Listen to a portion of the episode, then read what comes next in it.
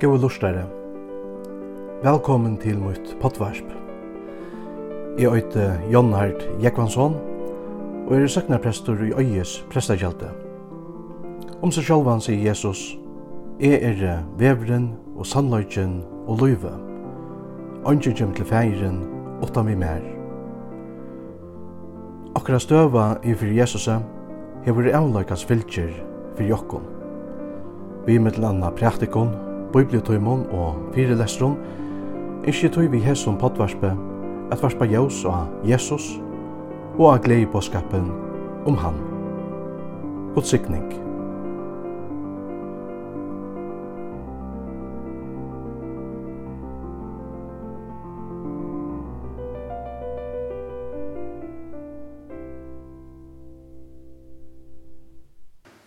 Bønnen er ein pastor av troarløvnum, som vi altså ikke kunne være for i åttan.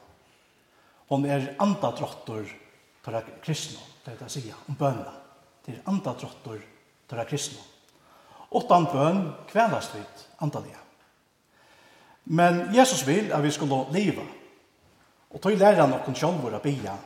Da Han til dem sier, kja Matteus, men til at du helder bøn, ta for inn innar i kamertøyt, og lett aktor ordtøyna, og bi til færetøyn som er i London, og færetøyn som ser i London skal gjalda der.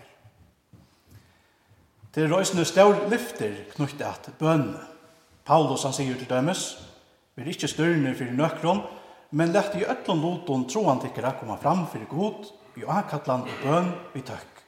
Og Guds frigjør som ber av øtlån vite skal varvøyta gjørste tikkere og hoksane tikkere i Kristi Jesus. Etta er frukten som vi fåa i løgnekammeren. Sikningen og frieren som bønnen ber okkon, varvøyder okkon, og i øynon livande fellesskapet vi okkara Herra, Jesus. Oppi over skriveborgen og kjammer, her heima, hongra mynd som omma mun brodera i etri i 1988, Nukra er så gjerne. Av myndna hever hon æsne brodera årene av danskon, se jeg står for døren og banker. Årene stav fra oppenberingsene, 3.20. etter det stendra førskånd, så jeg stande ved dittner og bensje og på. Om øyne og hver høyre rødt møyna og leter opp dittner, da skal jeg fære inn til hans herre og etter nattra sama vi honom og han vi mer. Hetta lyser nok så vel hva bøn er. Det er Jesus som fære okkon til a bia. Det er han så bekkar det på okra dyr. Okra bøn er alltid en fylkja av at Jesus han bekkar på okra dyr, okra hjärsta dyr. Han bekkar på for jeg får okkur til at åpna dittne vi bønene. Ta vidt bia, leta vidt dittne oppfyre Jesus og ötlun hans er gav og gav til okkur. Og etter røysen just det som dagsens tekstur bor okkur, Her vi har hørt Jesus tale om bøn, om de store lyftene som vi som kristen menneske øya og i bønene. Hvert til så bia færing om, det skal han gjeva tikkun og i navnet munnen, bia og til skulle få, for jeg gleder tikkere kan være fullkommen, sier Jesus. Hesen teksteren er en pastor av Jesu skyldnavar røvo til lærersveinene. Han taler om det, så for å henta og i nærmest og framtøy i Jesus. Krossfestingen, deie, gravlegging, opprøst og himmelsfer. Alt er okkon at gagne. Jesus trøster lærersvennerne og sier at han skal, han skal senda til i en anda da han er bortefær. Etla som han sier i kapittel 14 Tja Johanse Jeg vil ikke lette at jeg kan være etter fængeleser. Jeg kommer til tikkerne sier Jesus. Så Jesus han hugsar om tørra og akkurat tørv og han sier nærvær og i løyvna. Og i sånne skyldene var røv og trøster Jesus tog sina viner og sier Øysene tid hava han og sorg, men jeg skal søtje til kun aktor. Og da skal hjersta dere gledest, og ønsken skal tekka glede dere fra dere, sier Jesus. Etter er en glede som er knyttet til noen opprystna og livande Jesus, som nu er saman vi okkon kvendt kvente vi høyla om anda. Jeg vil ikke lette at det kommer etter fengeleser. Som kristen øyer vi til øyne gledene og i hånden kvendt det i okra livet. Tanken om at Jesus skulle være tidsen fra tøymon, østkjemleie sjølvande lærersvennerne. Men ta hinn opprystende Jesus synte seg livande fyrirtøyra eion, var gleden som Jesus talar om, til en livande veriløyga og løyvnum tja lærersvennom. Og det er en samme djupa gleden og Jesus som to og er i det østene og jeg lot i. Det er en glede som ønsken og ønsken kan tekka fra okken. Tog at henta gleden er sjálf rådfest og i hinnom opprystna og livande Jesus. Og i honom, og jeg vil meira, enn vi nekrant og kunne fæta. Sankeren tja Linus Sandell, så vidt det var sunnje, løyser etter så vel. Og Jesus lært opp munn i eio, at munna okn er suttja kan. I øye fægir, som han sier, han baden sutt aldri gløyma mann. I øye brauer, vi god sæte, som alltid fram og bøn med ber. I øye nøye flau, som mæta, som himna kvalve voja fer. I øye brauer vi og sæte. sin sannløyken innebær omettalige negv fri okkom som øye Jesus som okkara herra og frelsara, som okkara brauer. Etta merker jo at vi, vi Jesus har finnst fruja etgångt atlan vegin til Guds sæte og himmelen. Hette er det som Guds år boar okkom, Da vi leser i samband med Jesu deia krossen at forhengje i tempelen om skrattneie i tvei, ur erva og lyka nyer i djøkna. Forhengje i tempelen om. Og etter her viser dere at veveren til god nå er åpen for dere nødlom. Jesus er åpnet på veien. Det er ikke langt tørvor av sinta offron og blåi av bukken og kalvon for at narskast gode. Det at Jesus er sjálfur et fullkomna syndoffre. Og vi synd og løyve, deia, opprøst og himmelsver, hever Jesus gjør okkon ein veg, så fører okkon allan vegin til Guds sett. Kvenn det, kvenn minutt og kvart sekund og jokkara løyve, har vi et etgang til Guds sete, til at vi et øya en braur her, sitant vi høyre hånd Guds, som vi gjøtta og i troa hjeltan. Og i Jesus og jeg vet som sagt, møyra enn vi nekran tøy kunne fæta. Vi honom har vi finnet til, som Paulus kallar for sånne rattar anda. Men han sier i Romera Brannon, det finko sånne rattar anda som vi råpa i Abba fægir. Så er stiltala i Jesus sjolvor fægiren, ta han i Gethsemane svarta i blå og bæ Abba fægir alt er gjørlig til her, takk jeg skal fra meg, to ikke som jeg vil, men som to vil.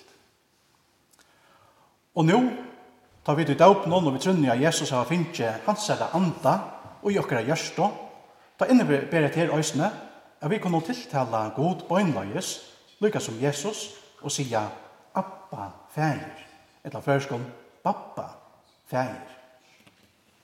Etter kunne vi sija, til at vi øya og en bror vi Guds hjerte. Men den ertgongten til okkara babba fægir, som vi øya og Jesus, er òsne ertgongten til hina himmelsk gleina, som langt og nu gjør seg galdande i okkara løyve som godsbøten. Henda gleien som vi òsne er savna om i det. Og som vi òsne dagen for at njóta til fullnar heima og i himmelen til okkara babba fægir alt dette rujtdømme vil Jesus vise okkom og i sinne kynna var røv. Han vil vise okkom at vi til Jesu navne hava bøynløyes etgang til god, til Guds tjøvnå. Og etter løsene til som Jesus legger dette, ta han sier, Tann dagen skulle bia i navnet munnen, og jeg sier til kun ikke at jeg skal bia fjæren fire til kun, til at fjæren sjolvor elskar til kun, jeg tror at jeg tid av elskar meg Og i kærlagssamband noen vi Jesus, okkara brøver, har et bøynløys etgang til god og hans herre sæte. Etla som vi da sunnje, i øye brøver, vi god sæte, som alltid fram i bøn med ber. I øye nøyeflå som mæta, som himna kvalve via fer. Enda bøgnløys etgangten til god sæte, som vi øye og Jesus er, er kjeldan til alt godt i okkara løyve, til sikning, styrke, glede og fri for okkara evig og sal. Jeg tror at Jesus er opprysen, jeg tror at han er vi Guds høyre hånd og gonger forbøn for tær og mer. Jeg tror at han almåttige og kærlagsfotle god er tjakken vi heilavn anda, Jeg tror at vi til grunnene at vi er i bøn at la togene til at det ber okkom og sikning ta vi er saman vi gode og i bøn. Alltid. Det er ikke åttan grunn at Paulus sier enn stedene beie åttan og ihalt. Det er at nekv bøn ber okkom nekva sikning. Og etter hva det som Jesus etter okkom til å gjøre, ta han sier vi til og med, beie og til skulle få, for jeg gleder tikkere kan være fullkommen.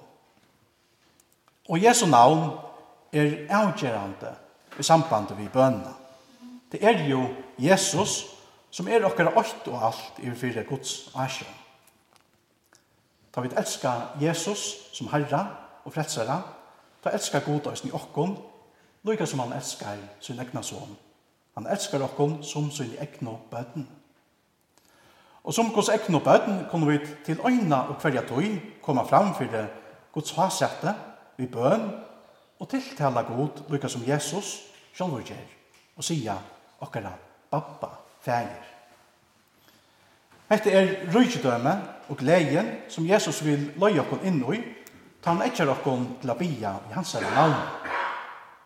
Det er jo en avløyslig sammenhenger mittlen bønner løyve og hinna djupo og løyvekante fredsugleina som vi øya og Jesus. Og Jesus etter okkon til å bia, Så det er at gleden i herren kommer å sette synd og an og alle okkara tilveru. Det er det som han ikke blir okkom. Han vil løye okkom inn i syna glede.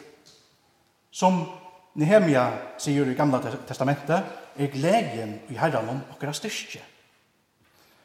Og hessa styrke har et frie etgang til hvem det han øynast at det er i okkara løyve, tog jeg vidt øya en bror vi gikk og sette Som vi synd om blaue, er vi gjørst okkon, gjørst det møvlet for okkon, er koma fram for Guds åsjån vi bøn. Hette er Jesus sørst fire.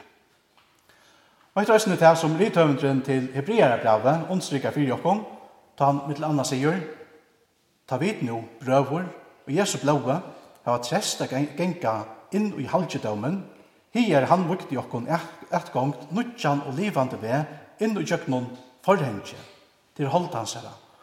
Og ta i vidt hava stauran prest iver huset gods, ta lagt den okko genga fram fyrir god vi sannun hjärsta, vi fotlare troar vi så, ta vi ta finnje hjärsta okkara rønsa fra ringare samvisko.